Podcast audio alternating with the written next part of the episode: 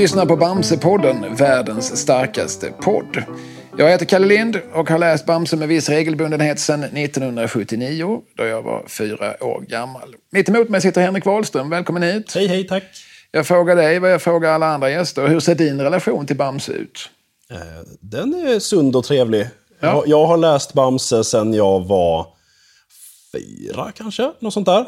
Eh, och sen så Och har jag, när så i säga- tiden är det? När, när jag var När fyra... är du född? 1984. Ja, så så 88 88 då. liksom. Där, och, och har sen läst det upp i sån där ålder där man håller tyst om det för att man går på högstadiet och det är skitpinsamt om det kommer ut. Den delen. Och sen har jag tagit upp det igen som vuxen. Och som vuxen har, då har jag jagat, liksom, då har jag samlat på mig. Så nu har jag en, en, en gedigen samling tillbaka till 76 i alla fall. Var det i samband med att du fick egna barn som du återupptog intresset? Det kan man säga, ja. Och det finns på Instagram Mm. under namnet... Henrik Wahlström Och, eh, jag där. och där gjorde du under en period inlägg under hashtaggen Bamsesågning. Ja, gör fortfarande, men inte, med lika, inte lika frekvent. Då och då dyker det upp någonting som kan platsa där, men det var under en period som jag hittade väldigt, väldigt mycket. Nu har jag liksom läst allt, så nu är det svårare att hitta nya bilder. Och det är, jag vet inte hur många inlägg du har lagt. Det finns över hundra under just hashtaggen Bamsesågning, men du, du har fått eh, kollegor. Ja, ja, det måste vara ännu fler. Alltså det, ja, det, det är i alla fall... en 100 massa- plus. 100 plus står det, okej. Ja. nej, men det är, det är en massa i alla fall. Eh, och även Bamsehyllning har klämts in ibland. Just det. Och det är inlägg då med utgångspunkt i enskilda Bamserutor där du fokuserar på olika detaljer och så. Och den här podden, Bamsepodden, gör vi som ett led i att uppmärksamma Bamsetidningens 50-årsjubileum 2023. Och du har då tilldelats den lite otacksamma rollen som den kritiska rösten. Aha, ja, det blir bra. Hur känns det? Ja, men det kan jag ta. Eh, Jag är ju kritiker med en, liksom en, en kärlek i botten, kan man säga. För det bygger på det här att... Ja, jag man samlar inte på sig alla Bamse-tidningar för att sitta och hata dem? Då är man ju en idiot. Men samtidigt så är jag ju lite så. På det viset att jag har ju till exempel samlat på mig eh, fullständiga årgångar av gamla tjejtidningar från 80 och 90-talet. De tycker jag inte alls om. Men jag har ändå alla veckorevyn från 94. Liksom. Eh, så jag, kan, jag hade kunnat göra det. Men i just fallet Bamse så är det en tidning som jag älskar och som jag har vuxit upp med. Eh, och just tack vare den kärleken till Bamse så känner jag att jag har... Det är okej att, jag, att jag klagar och att jag eh, liksom tramsar och hittar fel och sånt där. Därför att det blir, det blir lite som att gnälla på sin egen farsa. Att vara, man kan säga ganska hårda saker om sin egen pappa, bara ingen, ingen annan gör det. Men för man vet att den där kärleken finns i botten. Liksom. Hur uppstod idén? Alltså att lägga upp Bamserutor och sen göra sig lite lustig. Äh, det var bara att jag stötte på de där rutorna. Att jag hittade någonting och tyckte att bara, det här är ju jättekul om man tänker att han, det här har hänt istället. Alltså det är ju ofta det. Rutan behöver egentligen inte ha något fel i sig. Men om man lägger en annan kontext kring det så blir det plötsligt jättetramsigt och, och kul. Alltså, ja, det var någonting jag gjorde bara och sen så blev det att det började uppskattas och så gjorde jag ännu fler. Ja, om vi då ska beskriva de här, det finns ju då olika angreppsvinklar. I en del fall är det väl mer att om man tittar på den här rutan med lite vuxna ögon så kan man med lite fantasi läsa in en sexuell underton och så här. Det är, väl, Ja. det är väl liksom mer ett, eh, en, en krumelur, ett litet skämt. Men ibland så finns det ju ändå någon sorts eh, eh, genuin eh, kritik. I, i, ibland rör det ju som teckningar. Alltså en teckningsstil. Jag, du har lagt upp en, en ganska tidig omslagsbild av Bamse och så skriver du citat. I de tidigaste bilderna av Bamse klämde Rune in alla hans ansiktsdrag på minsta möjliga yta så att pannan blev lika hög som avståndet från hakan till fotsulorna. På mig skulle det motsvarat en cirka 150 centimeter hög panna. Attraktivt, nojävulskt. Ja. Ja, men det är ju också sådär, det är lite... Och där har jag ju även photoshopat en bild där jag har så hög panna står utanför mitt garage. Det, det ser väldigt märkligt ut. Ja. Men det där har ju förändrats. Det där är en kul grej som jag verkligen har försökt rota i och frågat folk på, liksom på Bamse, eh, alltså som har hand om, om tidningen och sådär. Um, hur kommer det sig att kroppen på Bamse har förändrats så enormt? För att om man jämför med hur det var så hade vi ett jättehuvud med en liten kropp. Alltså det är lite bebiskaraktär liksom. Eh, och sen har det förändrats ungefär som en människa, att huvudet krymper och krymper och krymper och krymper. Eh, tills vi idag har otroligt mycket längre ben till exempel än vad han hade förut. Och där hade jag ju en teori att det där var ett medvetet mål för att Bamse-dockorna, alltså som en, har en människa i sig, som nu för tiden finns då liksom på TUI Resorts och på, på Kolmården och sånt där, att den skulle vara mer porträttlik Bamse i tidningen. Därför att den är inte alls lik Bamse i 80-talets tidningar. Den är ju helt fel proportioner. Liksom. Men om vi tittar på nya Bamse och den karaktären så är de faktiskt ganska lika. Jag fick det är en teori. Ja, det är en teori och de sa att nej, det stämmer inte. Så har det bara blivit. Men och så har det nog bara ju... blivit. Men vad som är intressant är att man också kan se att, att Bamse har eh, vuxit. Alltså när, när Bamse-serien är ny, är ung, så är ju Bamse ett barn. Ung, ja. Ja, precis. Alltså, då har han ju sin farmor och det finns ingen generation under honom. Mm.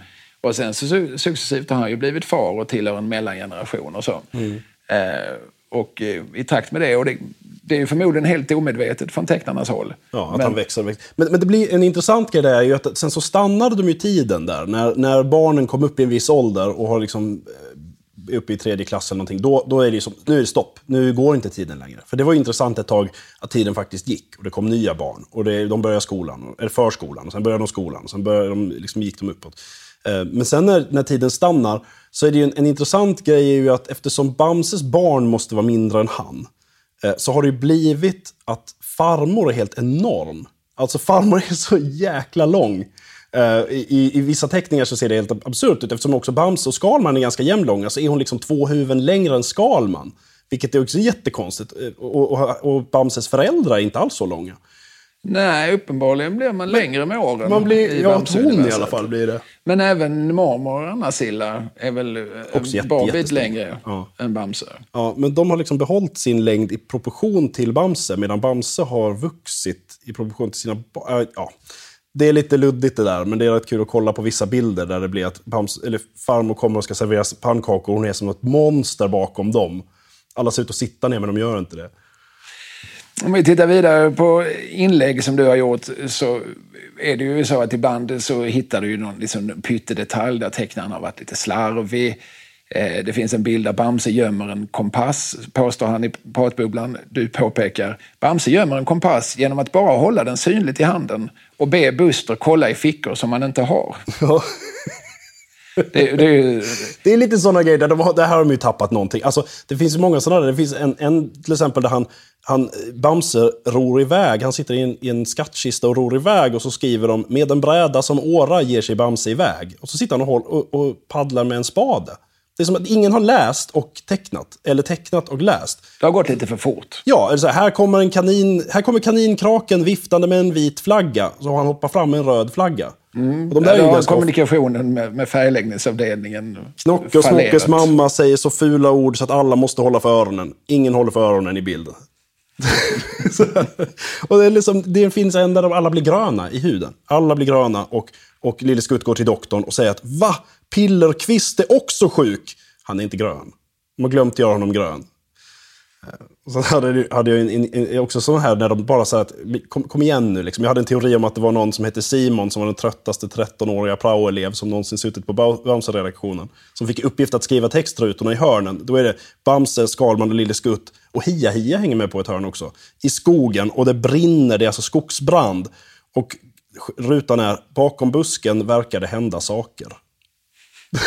här, ja, det är en skogsbrand som håller på att sluka dem. Du kan ju ta i lite grann. Ja, men det verkar hända saker. Det verkar hända saker. Du kan väl inte säga emot logiken i påståendet? Det är logiskt, men ganska så mycket en underdrift. Det är som att ja, något händer väl, skriv det. Nej, men, men sådana rutor har du ibland eh, liksom blåst upp och det är ju roligt. Eh, det finns någon där Bamse har krockat med eh, den notoriske Kofots-Karlsson som ju då bara har en mask på sig. Mm. Och, och Bamse känner inte riktigt igen honom. Och du påpekar då att Bamse är fortfarande usel på att avslöja förklädnader. Ja, väldigt. Han skulle vara ju världens sämsta på en maskerad. Ja. Och det finns ett annat sånt där det är Gluff Gluff som har klätt ut sig. Jag tror att han har en mössa på sig bara. Sen tar han av sig mössan, då ser man att det är en krona under. Gluff Gluff! utbrister Bamse och inser liksom att han har stått framför honom hela tiden. Jättestort grönt monster. Det är nog någon i byn bara, det är nog ingen... Nej, men det här är ju också lite grann eh, seriens, alltså seriemediets logik. Det är ju lite grann så i gamla Shakespeare-pjäser så också, att det räcker uppenbarligen bara med att sätta på en vanlig ögonmask. Ja, så är man helt oidentifierbar. Liksom. Det är ju bara glasögonen på och sen så är det bara, nej men det där är ingen Stålman. Sen har du gjort ett inlägg där du har eh, lagt upp tio olika rutor som, särskilt när man tar ut dem ur sitt sammanhang, mm. ser lite suspekta ut. Alltså det är mycket snurriga ögon. Det är två oh. eldfigurer som pratar om ett riktigt präktigt kockskalas. Oh. Skalman ger sig själv en spruta. Skalman ger Lille Skutt piller. Skalman är snurrig. Skalman röker någon sorts pipa med en skorsten som sticker upp ur skalet. Och eh, en bild där Brum flyter omkring i allt det svarta. Mm. Och du skriver den överlägset vanligaste frågan jag får angående Bamse är ifall jag läst äventyret där Skalman knarkar. Det har jag förstås, men vad folk inte tycks ha klart för sig är hur mycket drogreferenser man kan läsa in i Bamse-serierna om man bara vill. Och det vill man ju. ja. Men det här äventyret är ju intressant. Ja. Alltså Trollkarlens röda blomma. Precis. Eh, Den är jättespännande. Ja. ja.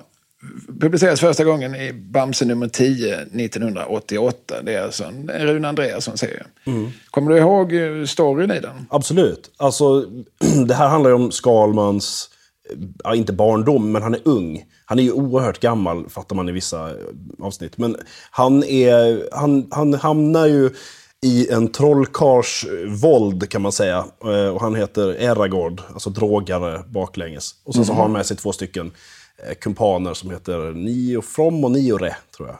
Alltså heroin och morfin baklänges. Mm. Och de här eh, tvingar Skalman, eller de tvingar faktiskt inte honom, de erbjuder honom en dryck, en röd dryck eh, som han dricker och blir stenhög. Liksom. Och, och svävar på rosa moln, vaknar morgonen efter och har väldigt ont i huvudet. Och han, då erbjuds han mer. Och poängen är då att han, då, han har förslavat ett folk genom att ge dem den här drycken och så tvingar de att arbeta på hans röda blomfält, som då är så här opiumvallmor. Liksom. Där de ska arbeta tills... Eh, ja, och, och, för att arbeta för att vilja ha mer. Alltså det är en, en, en drogare, helt enkelt. Um, och det här fick ju en jäkla eh, uppmärksamhet när den kom och det skrevs om att det här glorifierar droganvändning. Alltså det är ju väldigt hårt mot. Det är ett tydligt ställningstagande mot. Och han, I slutet så, så vi är tillbaka i, i modern tid, så att säga. Eller han pratar med Bamse och de andra och frågar om de skulle vilja smaka på den här drycken, för han har kvar den. Och de säger att ja, en gång kan väl inte skada och sådär. Och då häller Skalman ut den och säger att vissa saker är för farliga för att prova en gång. Liksom. Det hör hemma i vasken. Eh, det är väldigt tydligt att det är mot droganvändning. Men de här rutorna där Skalman har det så härligt och går på rosa moln och han skriver vad, vad vackert allt blev och sådär. De eh, blev ändå som att det här är drogförhärligande. Och för kanske överhuvudtaget att ta upp det med barn, det kanske räckte där. Att folk var tokiga över det. Men jag tycker att det är en eh, superbra alltså. Ja, det säger dels väldigt mycket om eh, debattklimatet i Sverige 1988. Mm. Då eh, just temat eh, droger, det var, det var så oerhört känsligt. Mm. Alltså, man fick inte säga någonting annat än att det var dåligt. Eh, och jag som var ung på den tiden, man hade ändå den här frågan, men om det nu är så farligt och alla är så överens om att det är så farligt, varför finns det då människor som använder detta? Mm. Och det, det, kunde man inte riktigt svara på. Det, det var ju det Rune Andreasson försökte svara på. Ja. Alltså att du får ju ett, ett positivt rus. Ja. Sen så är det negativt i längden. Ja. Det, är, det är väldigt det är väldigt, det är väldigt, det är väldigt eh, liksom symboliskt också det här hur du blir liksom faktiskt slav under här, den här substansen. Att du liksom tvingas eh, liksom, ja, men, försaka ditt liv för att få mer av den här drycken. Då. Eh, alltså jag tycker den är, är, är briljant, men han fick ju mycket för skit för det. Det säger ju också väldigt mycket om Rune Andreassons eh, mod och egensinnighet och eh, den här idén som, som är så väldigt tydlig för oss vuxna när vi läser. Det finns inga ämnen som, som, inte, som är tabu. Möjligtvis döden. Ja, det har vi inte sett så mycket av. Nej, det, det, där satte han nog en, mm. en ganska skarp gräns. Det, det, mm. Just det ämnet behandlar vi inte. Det blir liksom också liksom dramatur... Det, alltså, det blir ja, konstigt. Vem ska, vem, vem ska, vi offra i den här ja, säsongen? Nej, men, de, men däremot så finns det ju lite grann mer när man tittar tillbaka. Alltså när vi pratar om karaktärer som inte lever eh, längre i Bamse-universumet. Det kan prata till exempel om hur farmor sörjer hur hennes man gick bort. Havet tog min man och sånt där. Att man fattar att han har drunknat och försvunnit och hon gråter och vill vara i fred med hans porträtt en stund och sånt där. Alltså det, det finns en sorg så. Och det finns ju även att, um, att det finns tillfällen då Bamse tror att hans barn har dött och är förtvivlad och bankar och skriker och kan inte liksom... Ja. Um, och, och, sen så är det inte så, men det finns i alla fall med där. Och det finns ju även... Vem är det mer nu som är som är död som de pratar... Ja, just det, vargens mamma till exempel. Att det, det är ganska tydligt sägs att hon inte överlever den där branden. Um, och att han därför blir föräldralös. Och det, så där vågar de ju, eller han. Farmens farmors replik, eh, havet tog min man, min pojke och hans fru for bort på havet och försvann. Havet har förstört vårt hus. Jävla, det är stark tobak för femåringar alltså. Ja, och det påminner om någonting från förr. Så det känns som, nästan som att han har hittat det citatet i någon, någon, någon bok. Eller liksom, åtminstone haft det, någonting i bakhuvudet. Det mm. har en sån här, liksom, ja. låter nästan som att det kunde vara ristat på en runsten. Alltså det finns någonting Precis. väldigt obönhörligt över det. Han är annars känd liksom för att, han är inte känd för det, men han är typisk, det är typiskt honom annars att, att berätta var han har fått sånt ifrån. Mm. Det finns ju något tillfälle där han skriver, eh, serie, av, eller äventyret heter Någon måste lämna båten. Och då har han lagt till en parentes, och den kan jag inte utan till men det står typ sådär att Ja, det är ur Marcus Johanssons dikt, det och det och det, jag har tagit den här repliken. Alltså som att någon läsare ja, det är en poet, Carl Wennberg eller det, jag vet inte Elmer Diktonius eller så. Men att han liksom poängterar det. Liksom. För han är ju väldigt tydlig, han har ju varit så hela tiden att han är väldigt, han tror och det tycker jag är fantastiskt i Bamse. På samma sätt som Kamratposten har gjort mycket. Att de inte idiotförklarar barn. Utan att de tror att ja, barn kan ta till sig Helene Skärfbäcks målningar. Så mm. vi provar. Här får du se dem. Vårt eviga exempel i den här eh, podden är ju just eh, Rune Andreassons eh, framhävande av den finlandssvenska konstnären Helene Schäfbeck som, som han var eh, själv väldigt förtjust i och också lät göra affischer av som medföljde tidningen. Ja. Eh, ganska svårtillgängliga bilder, särskilt som hon med tiden kom att måla allt abstraktare. Ja. Eh, men det här gillar jag, det här ser jag gärna att ni också gillar. Ja, och, och tog även med och publicerade kritik mot det också i, Bamses, i den här brevsidan. Att folk bara, varför fick vi det här? Liksom. Mm. Eh, då, ja, men inte ja, ointresserad av debatten. Nej, nej och, Konst ska ju väcka känslor. Ja, och, och, att tro så väldigt högt om som till exempel ett tillfälle där han också skriver ut ett, en, en disclaimer, liksom, eller ett, en rättelse i nästa nummer. Att förlåt att jag lurades i förra numret när jag skrev att båda Helene Schärfbäcks konvalescentmålningar hängde på Valdemarsudden. Det är bara en som gör det. Uh, jag undrar liksom, hur stort tryck har han fått från Sveriges sexåringar om att jag var där och den hängde bara en? Mm. Men apropå detta så har du i en annan, ett annat inlägg eh, skannat eh, fyra olika eh, Bamse-citat. Dels citatet samma ångestfullt spörjande blick som man finner hos den åldrande Rembrandt. Det är alltså hämtat ur en Bamse-tidning. Ja. Eh, ett annat citat från insändarsidan. Jag är en tjej på tio år som uppskattar Bruno Liljefors. Ytterligare ett citat från insändarsidan. Så lärde sig många läsa i det tappra Vietnam. Ja. Det kanske är från Bamses skola förresten. Ja, det är det. Det handlar om hur de läste på varandras ryggar. De satte papper på ryggen när de skulle vandra långt, så lärde de sig läsa. Just det. Och sen ett fjärde citat när Skalman säger Snart påstår väl någon att inte jude och grek, inte man och kvinna kan arbeta tillsammans. Bamse säger Vad du tar i Skalman? Skalman svarar Ja, den här gången ska Hypatia försvaras. Mm. det, det, är, det är höga tankar om barnen och jag tycker det är jättefint. Okay. Ja, alltså det är ju höga tankar om barnen om man inte hade haft just en liten förklaring. Alltså det är ju höga tankar i vilket fall såklart, men, men, men sen får vi ju ta reda på då vem Hypatia var. Och jag kan ju säga, jag har ju läst ett antal år vid universitetet, olika humanistiska ämnen. Jag är dåligt orienterad i Hypatias backstory. det var alltså en filosof som mördades under fruktansvärd tortyr. Vi är nu på år 415 eh, då ett, eh, en patriar patriarken Kyrillos som för övrigt är ett katolskt helgon.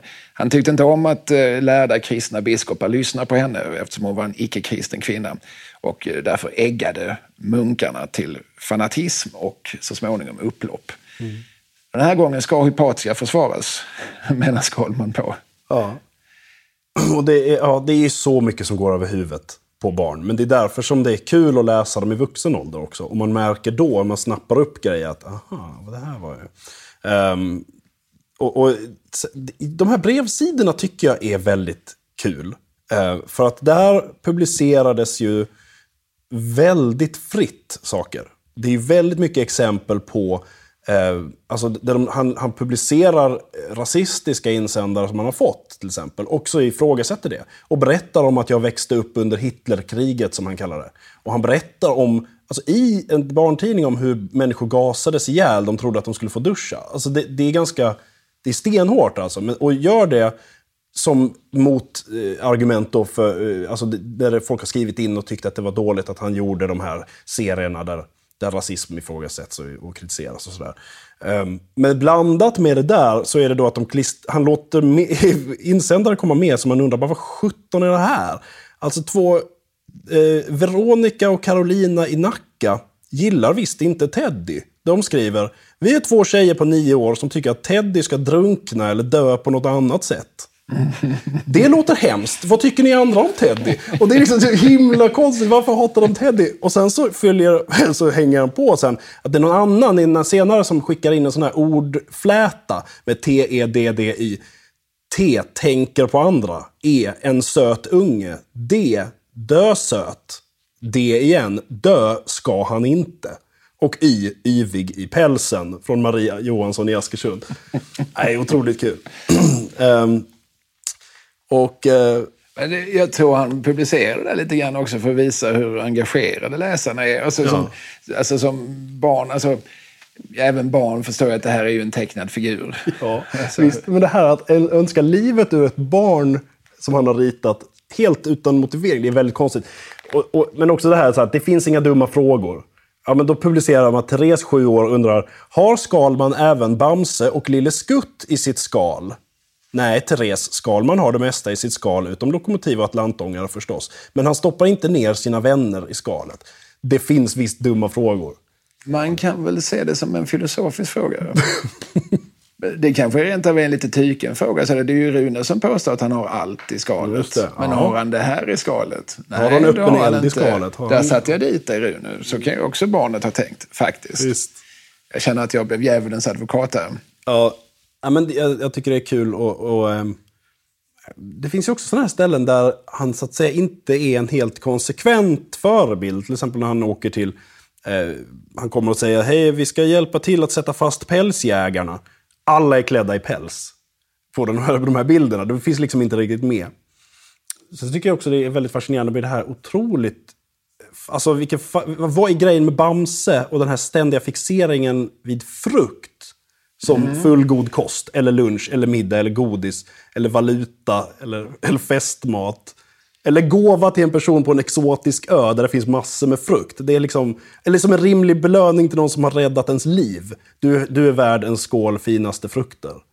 Men det hänger väl ihop med hans, eh, alltså Rune Andreassons, får man nog säga, brinnande hat mot godis. Ja. Eh, det händer ibland att folk kritiserar Bamse för att vara lite präktig. Mm. Och det håller jag överlag inte med om. Alltså, ja, jag förstår ju argumentet, men, men, det, men det är liksom eviga humanistiska värden som, som, eh, som det propageras för. Men eh, just när han på 70-talet gång efter gång hela tiden pratar om hur fruktansvärt det är med, med, med sötsaker. Ja. Det, det, det, känner jag alltså... Frukt godis. Och, lite... Ja någon klubba får man väl unna sig på lördagen. Jag kan, jag kan helt hålla med om det. Men jag tycker att det var... Jag kritiserade det lite grann vid, vid ett tillfälle därför att jag tycker att det är så... Eh, det är lite ironiskt att, att Bamses by i, på Kolmården säljer så enormt mycket godis. Det är liksom verkligen valutan där. Man ska gå in och köpa en, en burk med godis som man får fylla liksom proppfull. En dunderhonungsburk? En dunderhonungsburk, precis. Och Bamse är liksom illustrerad i godisbitar på väggen eh, och sådär.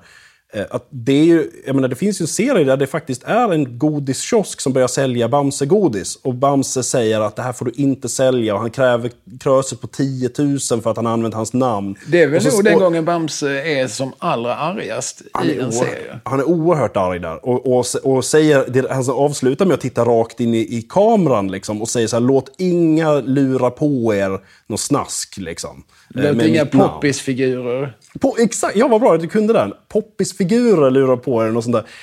Och att det får, det, då han skriver ju det att det, finns ing, det kommer aldrig säljas. Liksom. Och, och, ingen får använda mitt namn och ingen får publicera reklam i min tidning och sådär. Och det blev ju lite knäppt då när det blir sånt godishets på, på hans, i hans by. Den här serien som avslutas med att inga poppisfigurer ska lura dig att uh, köpa snask. Eh, där förekommer ju också Krösus eh, kollega Snaskus Sork. som kanske är den ja. enda kapitalistrepresentant som är ännu slemmare ja. än Krösus själv. Nej, men det, är väldigt tydligt att Rune Andreasson närde ett förakt mot eh, sötsaksindustrin. Mm. Och eh, det stod ju honom fritt. Men, visst, de, flesta av oss har inte riktigt den Alltså, vi vet ju att det är skadligt för tänderna. Mm. Absolut. Vi tycker kanske inte att våra barn ska äta det till frukost. Men ibland måste vi väl få unna oss en liten guldkant. Men, men, men, det men han har ju med det också, så det är okej att äta ibland. Om du äter allt på samma gång tyckte jag lät jätteknasigt när jag var liten. Då ska man bara vräka i sig. Men det tyckte han. Och sen borsta tänderna direkt efter. Ja, det var rådet som även som Tandläkarförbundet gav ja. i tiden. Nu att du ska äta det. Det var därför lördagsgodis uppstod. Ja, vid ett ja. tillfälle ja. Ja, precis. Och sen borstar du tänderna efteråt. Det, det är småsnaskandet mm. som är det mest det. förödande. Så att där följde han väl de eh, offentliga föreskrifterna. Ja, ja men det här, det här med, med frukt, för att det blir liksom ganska extremt ibland. Det här med Alltså det här, lagens långa arm. Alltså jag tänkte på det här med när man ger frukt som belöning till någon för att de har räddat livet på en. Men att alltså, det är en väldigt det är en väldigt kort och benskör arm som lagen har i Bamse. Alltså när de väl har satt fast någon så är det liksom... Till exempel det är, det är två tågrånare som stjäl allt silver som en guldgrävare, en gruvägare liksom har, har, har grävt fram. Och då hittar de en bra lösning. Att tjuvarna får behålla silvret. Och så får de dessutom vara med och dela på gruvägarens nya guldfyndighet. Eftersom det skulle ändå räcka till fler. Liksom. Eh, och, och, men ändå, den värsta är nästan, tycker jag, alltså det, det, är två skurkar som är kända av polisen sedan tidigare. De gör inbrott i en affär. De stjäl en hund och så försöker de dränka hunden. Och tas på bar, bar gärning av polisen.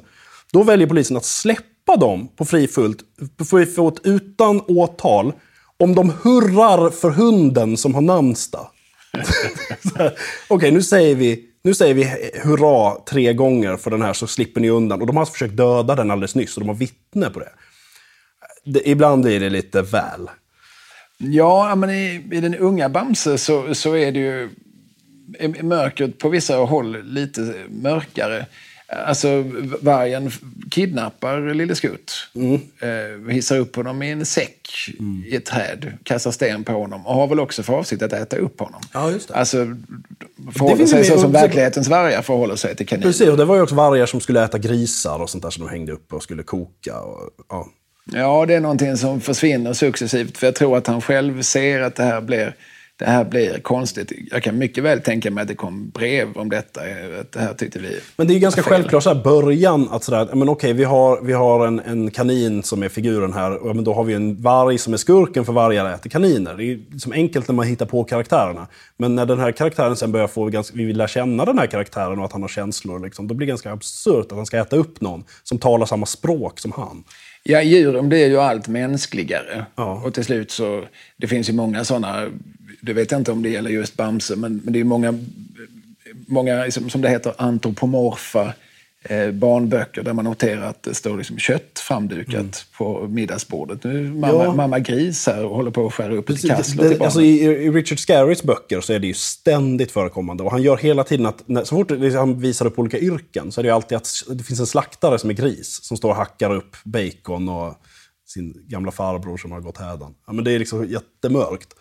Men det är ju... Det blir mörkt om man, om, man, tänker... om man insisterar på att det är en gris jag tittar på. Ja. Men det är ju en gris som står på två ben och har en klänning eller ett, ett, ett förkläde. Så ja. det är ju, en, det är ju en, en människa Visst. som råkar ha griskropp. Men, men det blir ganska mycket sådana där knasiga grejer med det. För till exempel i början, alltså i tidiga äventyr så hände det ju att det var människor med i, i Bamse-serierna. Det är väldigt ovanligt nu, om det ens händer någonsin. Men, men då var det ju liksom... Ehm, då kunde det bli väldigt, väldigt konstigt när, när Bamse kommer för att rädda apor från tjuvskyttar. Och Tjuvskyttarna är människor, aporna är apor. Bamse kan prata med aporna och med människorna. Men a, människorna kan inte prata med aporna. Det är en jätte, Bamse är någon slags mellanhand som ska medla mellan djur och människor. Eh, och det, det blir ganska konstigt efter ett tag, så det får de väl, då, st- då la de väl av med det antar jag. Eh, jag vet att det är någon som har tittat lite sådär mm, nördigt, akademiskt, eh, glimten i ögat, glimten i ögat-aktigt på Kalanka och tittat på de olika nivåerna av djuriskhet. Ah, Och kommit fram till att det finns fem nivåer. Alltså, där, där ju då liksom, myggor och getingar och så, de beter sig som myggor och getingar gör i verkligheten. Och sen så har du liksom nivåerna ovanför. I, där, i kalanka världen har du kanske då eh, den lille valpen Ludde. Som ju beter sig ganska mycket som en, som en valp gör, men som fortfarande kan tänka och fundera och sådär. Och sen är ju den högsta nivån, det är ju kalanka och långben och musse som ju egentligen bara är människor med djurhuvuden. Ja. Som inte alls, det finns ju ingenting i deras beteende som, som, som påminner om deras liksom, animaliska ursprung så att säga. Och likadant är det väl i Bamse, att det finns olika nivåer av mänsklighet kontra djurhet, djuriskhet. ja, det tror jag också. Om vi tittar vidare på olika inlägg du har gjort. Du, det finns ju en gammal serie där, eh, som utspelar sig i Apolonien. Mm, just det, Alexander den lille. Så, Ja. Den är jättefascinerande. Jag, det var en av mina favoriter när jag var liten. Jag har konstaterat att mina favoritserier, eh, eller favoritäventyr, de landar runt 1989 allihopa. Och jag tror att det kan ju vara att det var en peak där det var som allra bäst för mig att läsa. Alltså det, där jag var 5-6 år. Jag har en gång gjort en intervju med kalanka experten och översättaren Stefan Diös som eh, eh, har gjort den här reflektionen att alla människor, han träffar hela tiden människor som säger att kalanka var som bäst och så nämner de några årtal och sen frågar han när är, när är du född? Ja, just det. Så den var som bäst när du var mellan 10 och 12. Ja, Och det här menar han att det är i princip, det är så det är. det, det, så är det alltid. Alla anser att kalanka var som bäst i den åldern när de var som mest mottagliga för Ja, de var en perfekt målgrupp. Liksom. Ja, och samma gäller med Bamse, även om det kanske är andra åldrar. Men, men det är klart att den var som bäst när jag var som mest mottaglig för den. Men, det, men när jag läser dem igen så tycker jag fortfarande att den... Jag konstaterar ju att jag, tyck, jag har mest känslomässiga band till de åren. Därför att då var det liksom på riktigt. Och då trodde jag på det så mycket för att jag var fem. Men och också att det är så starka minnen att jag faktiskt minns när jag läste det som femåring. Och det är ju liksom få saker som man minns så gammal tycker jag. Eh, men även när jag läser dem med dagens ögon så tycker jag att det finns väldigt många jättebra äventyr där. Eh, och den här resan till Apollonien är ju en av dem. Och där det finns också väldigt mycket tydliga bilder av, eh, av, av Runes politiska åsikter. Alltså när de, de här små arbetar, det är alltså små arbetarapor i Apollonien som är, för, alltså de är förtryckta, de kuvas av en, en ond så här, förtryckarstat. Eh, och då har den, liksom, då bangar inte Rune och går liksom in med upp och nervända amerikanska flaggor och, och gula stjärnor på rött. Och så här. Det är väldigt tydligt, liksom, här är the oppressor. Liksom. Eh, och sen så blir Alexander den lille då demokratiskt vald till ny kung och inför ett nytt system. Där alla apor får samma arbete och mat som delas ut i en lång matkö och alla är lyckliga och får efter behov och sådär. Eh, Ja, det finns ganska mycket undertoner där att läsa du, in. du tolkar det här som en anti-amerikansk och kanske rent av prosocialistisk Ja. berättelse. Och det kan man ju, alltså i de eh, riktigt gamla så är det ju knappt, alltså det, ja, men det här tappra Vietnam och sådär, det, där skrädar inte orden alls. Där. Nej, och det finns en tidig serie där de åker med Skalmans tidsmaskin till Robin Hoods tid.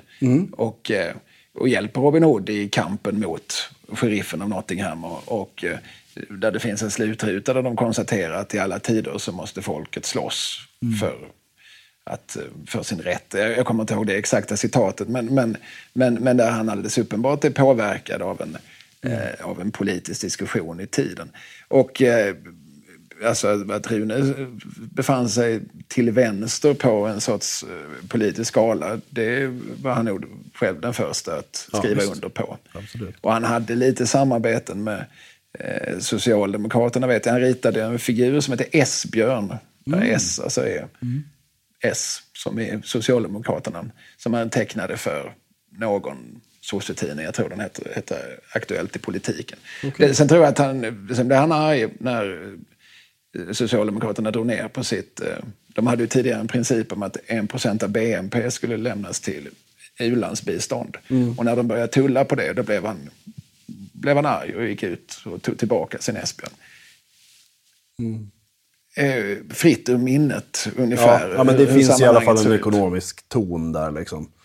Ja, Eller det, politisk underton menar jag. Ja. ja, och det har ju serien som kritiserats för från, från högerhåll. Eh, jag menar att eh, alltså det finns ju absolut sådana inslag. Men, men det, är ju inte, det är ju aldrig egentligen dominerande. Även om Krösus Sork absolut är en kapitalismsymbol mm. så är han ju främst en symbol för, för girighet Visst. och gnidenhet. Men jag tycker att där finns ändå en... Alltså i, han, är, han är det absolut.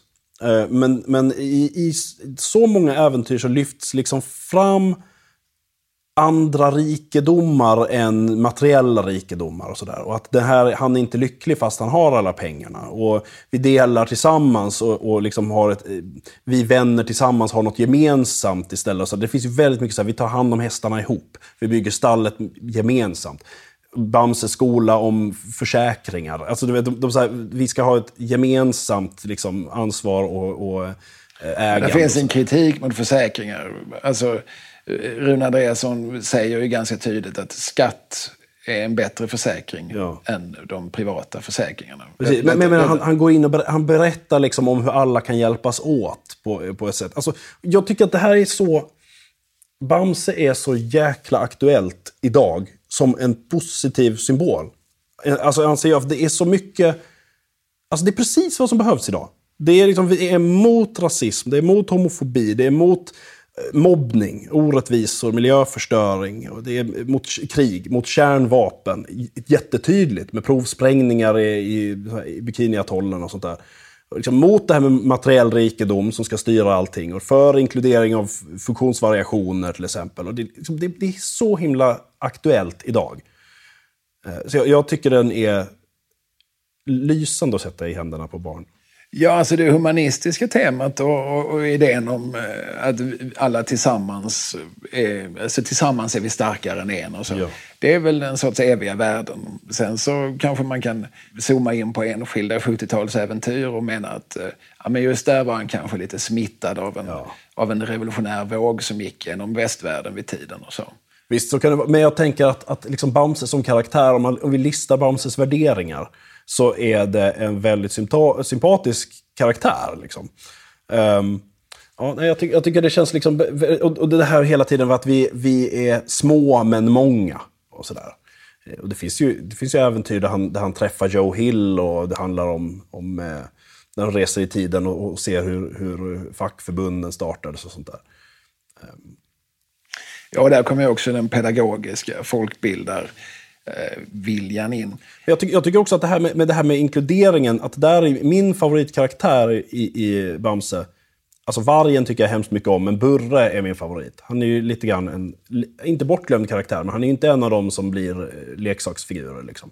Um, och den, alltså Burre, jag tycker det är så briljant av Rune Andreasson att skriva in, och våga skriva in, en, ett barn som kommer ur socialgrupp 3, som har skitförhållanden hemma. Han har en pappa som slår honom, det är helt tydligt i de första avsnitten. Att ja, vi ser en mattpiskar i, Absolut, han säger snälla pappa slå mig inte när de är på väg till huset. Oj, vad det, vilket liv det är där inne. Och det, och det här... Det är alltså ett barn som finns i förskolan, eller dagis heter det då, när barnen börjar. Som de lär sig, Buster heter han ju egentligen. Och han har, alltså han har en pappa som slår honom. Han har en mamma som är Utarbetad. utarbetad, sliten, gör allting.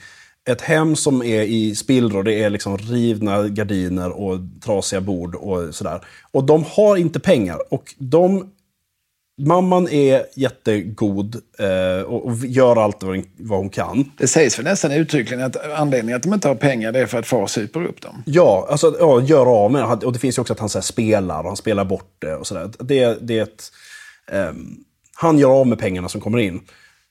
Och så då såklart behandlar sin fru och barn som skit. Och att det, han får vara med, Burre, gör så himla mycket. För det gör att, att alla de teman som kommer in i, i, historierna om barnen, Bamses barn och de andra barnen i byn, kan studsa mot det här socialgrupp 3-barnet, maskrosbarnet. Liksom. Hur skulle det bli för honom? Och det är gång på gång där att det, han har inte råd att köpa en present till barnen när de fyller år. Han har inte råd att åka med på skolresan. De har inte råd att, att ens ha mjölk till gröten, utan måste ha vatten i gröten. Jag minns jag grät som, som, som ett barn, jag var ett barn. Jag grät så mycket åt den här bilden där, där mamman häller upp vatten i Burres gröt med en min av att liksom, hon är så ledsen över att behöva göra det. Eh, och det där är, det, det, måste öppnat så många ögon, och definitivt mina, då. Att det finns barn som har det så här i Sverige. Um, och att hur han agerar i skolan. Han är liksom aggressiv, och han är arg och han slåss och sånt där. Att, att det landar i, liksom, han springer ut i skogen och gråter och, och säger att han hatar sig själv. Liksom. Alltså jag, jag, jag, tycker inte om Bamse, jag tycker inte om Bamses ungar, jag tycker inte om mamma och pappa, jag tycker inte om mig. Um, att han, han är liksom förtvivlad och tar ut detta på det här viset. Och jag tycker det, det gör att den karaktären är så himla viktig och bra. Och på ett helt annat, helt annat djup än om vi tittar på liksom Ola Grävling eller någonting som bara finns som bikaraktär. Men han har en egen historia verkligen. Ja, Ola Grävlings själsliv får vi aldrig så mycket inblick i det kanske. Är, det är väldigt tunt. Han spelar gitarr, det är kul. Men du, nu sitter du och plussar här. Du var ju inbjuden mm. som den kritiska rösten. Så ja. att, eh, nu så tar vi och vänder blicken mot någonting som eh, faktiskt kan kritiseras redan i Rune Andreassons Bamse. Eh, du har bland annat plockat fram en ruta där Mikkelina rider Billy Boy. Ja. Bamse säger, ser ni grabbar, är det inte bra? Skalman, nämnda Ola, Ola Grävling, Lille Skutt och Vargen säger i korus äsch. Och du påpekar då att den här rutan som är från 1977, att alla snubbar utan Bamse, inklusive Skalman, tycker att tjejer inte ska rida tävlingar eftersom de är klenare än killar och jämt grinar. Mm. Eh, alltså det här genus som vi pratar om idag, där, där mm. det, det dröjde ju några decennier innan Rune mm. blev medveten om det. Ja, och det finns ju mycket sånt där att, att eh, ja, men, Nalle-Maja får en, en blåtira av Burre för att hon, han tycker om henne. Och sånt där. Eh, alltså lite den där grejen, de, är, han, han, är säkert kär i dig mentaliteten när, när, när de pojkar slåss. Liksom, och, och eh, Eh, men, men, han är ändå mot det. Vissa, det finns ett, en serie om, om småtomtar där de vill vända på det. Att det, inte, det inte längre bara ska vara eh, kvinnotomtarna som gör eh, det där görat. Liksom. Alltså, de vill vända på det.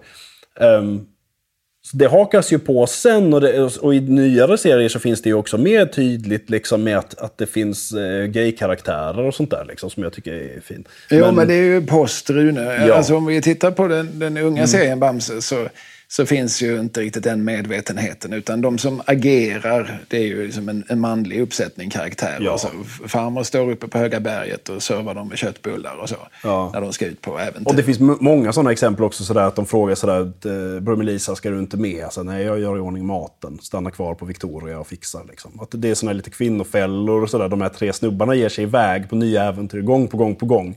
Vem tar hand om barnen? Vilka, Nina Kanin och, och Bror är liksom fast där hemma. Men det är ju alldeles riktigt som du säger att senare redaktörer och så har ju varit väldigt medvetna om detta och försökt att på olika vis balansera det. Och, och nu är det ju ofta Nina Kanin som ger sig iväg istället för Lille Skutt som ju aldrig har velat följa med ändå. Nej, det är jättebra. Hon har ju fått ett riktigt jobb och är liksom väldigt pushigt. Så. Det är skitbra. Men då i början så var det mycket sådär, liksom Bamse konstaterar att tjejer gillar att pussas och sånt där. Och, och de har mycket... Alltså, men Nalle-Maja tycker jag är en, en toppenkaraktär. Där var det ju verkligen så att här gör vi en riktig tuffing till dotter. Liksom. Det är hon som skjuter med revolvrar och, och eh, så här. Um, och jag tror att han gör det efter att ha blivit eh, kritiserad. Alltså, och det är ju också väldigt talande för Rune Andreasson att han är ju mottaglig för den sortens invändningar. Mm. Eh, folk påpekar att eh, här är du inte så progressiv. Nej, det kanske jag inte är. Nej. Låt mig försöka balansera. Sen var han ju ett barn av sin tid. Han var ju född 1925. Så att, ja. eh... Men han var ju inte dålig på att anpassa sig där. Alltså att han tog ju till sig sånt. Eh, vilket jag tycker är, är toppen. Um, det finns en del också om så här, man tänker att bar, barnomsorgen har förändrats. Alltså det finns så att när, när, när eh, Nina Kanin och, och Lille Skutt ska gå till jobbet, då låser de in minihopp i en, alltså en bur. Det är en, en spjälsäng med tak av galler där han ska sitta. Som han inte kan hoppa ur. Han är ju så vild den ungen. Och så får si, sitta han där. Och så är också, de har lämnat en morot på så här elakt långt ifrån buren så han inte når den. Ja, det där fortsätter ju såklart med att han kommer ut och sådär. Men det är lite så, det, du hade ju inte låst in barnen och gått till jobbet idag. Nej, jag hade inte gjort det, men, men, men kan du kritisera? alltså det är du, I serien framställs det ju inte som ett, ett bra sätt att uppfostra Nej. barn väl? Ja, de gör det ju utan att det är någon kritik mot det. Det är bara att han smiter och så blir det ett minihopp-äventyr. Ja, och så visar det sig ju Men där är också inte vara så effektivt. Det är en annan sak som är lite progressiv. Det är ju, är ju eh, minihopps bästa kompis Brumma.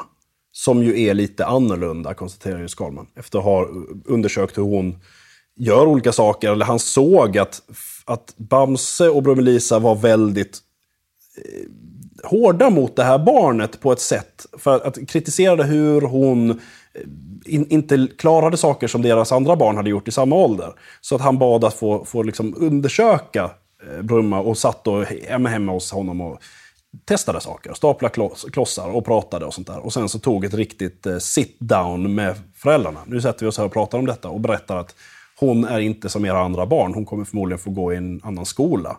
Eh, och de, de vill säga, liksom så här, är, hon, är hon, och vill säga, har, har hon ett handikapp? Är hon, eh, alltså, är, är hon funktionshindrad? Alltså det, vilket term vi nu vill använda, men han avbryter dem och säger att hon är lite annorlunda. Ja, men det är vi ju allihopa. Eh, och sen vänder de ju på det där på ett jättefint sätt, att hon, alla hennes egenskaper kommer till nytta sen. Och hon fortsätter ju, hon har ju eh, alltså, så tvåordsmeningar och sånt där. Att hon, hon, säger, hon använder, pratar om sig själv i tredje person hela tiden. Och så. så hon har ett annat språk än vad de andra har. Um, men har å andra sidan jättemycket andra styrkor. Och klarar av att, att eh, lugna stora farliga djur med ett vänligt leende och Hakuna Matata och så här. Och den, det är ganska häftigt. Och det sägs ju inte rakt ut vad det är. Men, men i ett senare tillfälle så är det ju också någon som säger att hon kom till genom att det var läs en läsare som hade hört av sig och sagt att hon hade, eller han hade ett, en, ett yngre syskon med Downs syndrom. Och de sådär, det borde finnas med i serien. Eh, och sen så kan det ju, det är svårt att säga vad det är. Men det är ju någon typ av, alltså om det är Downs eller om det är någon typ av autism. Men det är ju väldigt mycket det här att hon är i sin egen värld. Och det är en ganska fascinerande grej att det finns ju äventyr som är Brumma-äventyr. Där hon till exempel kryper in under vasken och träffar sina kompisar, Skyffen och, och eh, Borsten och är med dem. Där plötsligt har hon långa meningar. Alltså hennes språk är komplett när hon är i sin egen bubbla. Där pratar hon helt obehindrat med alla. Um, och sen kommer hon tillbaka. Då är vi någonstans inne i Brummas hjärna. Ja. Absolut, vi är ju i hennes fantasi där. Um, men det är fint då att hon inte då har sitt hon är, inte för, alltså hon är inte behindrad där. Utan hon är liksom bara, alltså hindret kommer ju i, social, alltså i, i samvaron med andra. Att det är svårt att uttrycka sig, eller hon säger saker som de inte förstår. Och så. Um, häftigt. Ja, jag är lite, jag är lite besviken. Jag, du har ju mest suttit här och berättat om eh, alla kvaliteter som finns i Bamse och så. Och det, ja, det, det, det står dig fritt. Men, men det gör många andra i den här podden också. Jag hade ju hoppats att du får höra lite fler kritiska synpunkter. Ja, men jag, okay. Eh, får jag lägga en kritisk synpunkt? ja, det är klart du får. Det, är, det, det, är, eh, det, det, har varit så mycket som är bra, men det finns, det finns mycket missar i de nya filmerna. Där tycker jag att det, det skulle kunna eh, vara bättre. Alltså, missar, alltså moraliska missar? Nej, men både och. Alltså att, att det skrivs in en, en karaktär som Bufflan till exempel i senaste Bamse-filmen som kom. Alltså en, en, karaktär som helt bygger på att hon är tjock och därför bara tänker på mat och fastnar i olika sammanhang där inte kommer igenom ett fönster. Och vill bara plocka fram mat när hon ska plocka fram någonting annat. Och jag skulle haft med mig kakor. Det är bara så, det är inte en 2022-standard eh, på det. Liksom. Det är vad vi idag kallar fat-shaming, Ja, menar du? ja och, och ett, ett, men framförallt är det fat-shaming med, med att vi ska skratta åt det. Vi ska skratta åt att den här karaktären inte duger någonting till därför att hon är tjock och tänker på mat. Men också sådana här konstiga grejer. Bara varför gör de så här? Så Skalman och Lille Skutt sitter på en båt och spelar Fia med knuff. Och Skalman vinner för att han är klokare än, honom, äh, än, än, än, än Lille Skutt. Det går inte ihop alls. Alltså han påstår där att ska, man vinner i Fia, som ett rent turspel, genom att vara klok. Ingen använder tärning heller. Utan han bara går med den här. Och han går inte som han ska heller. Han går tvärs över planen och säger “Jag vann” på sitt första drag. Genom att knuffa en av Lille Skutts pjäser. Och det, det här är liksom så här att, ja, att vara modig är inte samma sak som att vara klok, säger han. Dels är det jävligt dissigt mot Lille Skutt. Men också att varför satte de inte dit ett schackbräde? Då hade det, hela den scenen funkat. Men varför satte ni dit ett Fia-spel? Jag det kan var vara kritisk. allvarlig kritik det här. Det är inte ju så allvar- fruktansvärt det. Ja, men det är ju kärleksfullt. Jag är Det, det, du hör ju det. Jag, jag sitter ändå som vuxen och tittar på den här filmen flera gånger och tycker att det är så bra. Jag har faktiskt en, en replik i en av de filmerna. Ja, alltså, Ja, jag, Vil- vilken det, det replik? är jag i, i Bamse och Dunderklock... Nej, i Bamse och Tjuvstaden. När de lyfter upp eh, sjö- sjörövarnas bil. Då är det jag som utropar "Hå! Det är Bamse! Ja, ja, det var min favoritreplik Det var faktiskt. bra, jag filmen. förstår det. Den är väldigt, det är väldigt starkt uttryckt. Jag blir stabbad på foten av farmor också sen. En av sjörövarna. Jag ställer den här frågan för jag tror många lyssnare eh, sitter och funderar på det. Hur kommer det sig att du hade den repliken? Eh, Det var helt enkelt därför att jag eh, jobbar i tv-svängen. Eh, Och hade... För det har vi nämligen inte sagt hur du kommer, vem du är. Nej, p- precis, det har jag ju inte sagt. Men jag, jag jobbar ju inom liksom tv och filmreklam sådär. Och eh, känner en person som var involverad i detta och som frågade du skulle inte du vilja komma in och göra en röst? Eh, Så då gjorde jag det och det är jättekul. Jag hoppas kunna göra fler röster längre fram. Om det blir fler filmer. Men det lär ju inte jag få när jag klagar så här. Ja, det återstår att se och fler filmer är ju på gång.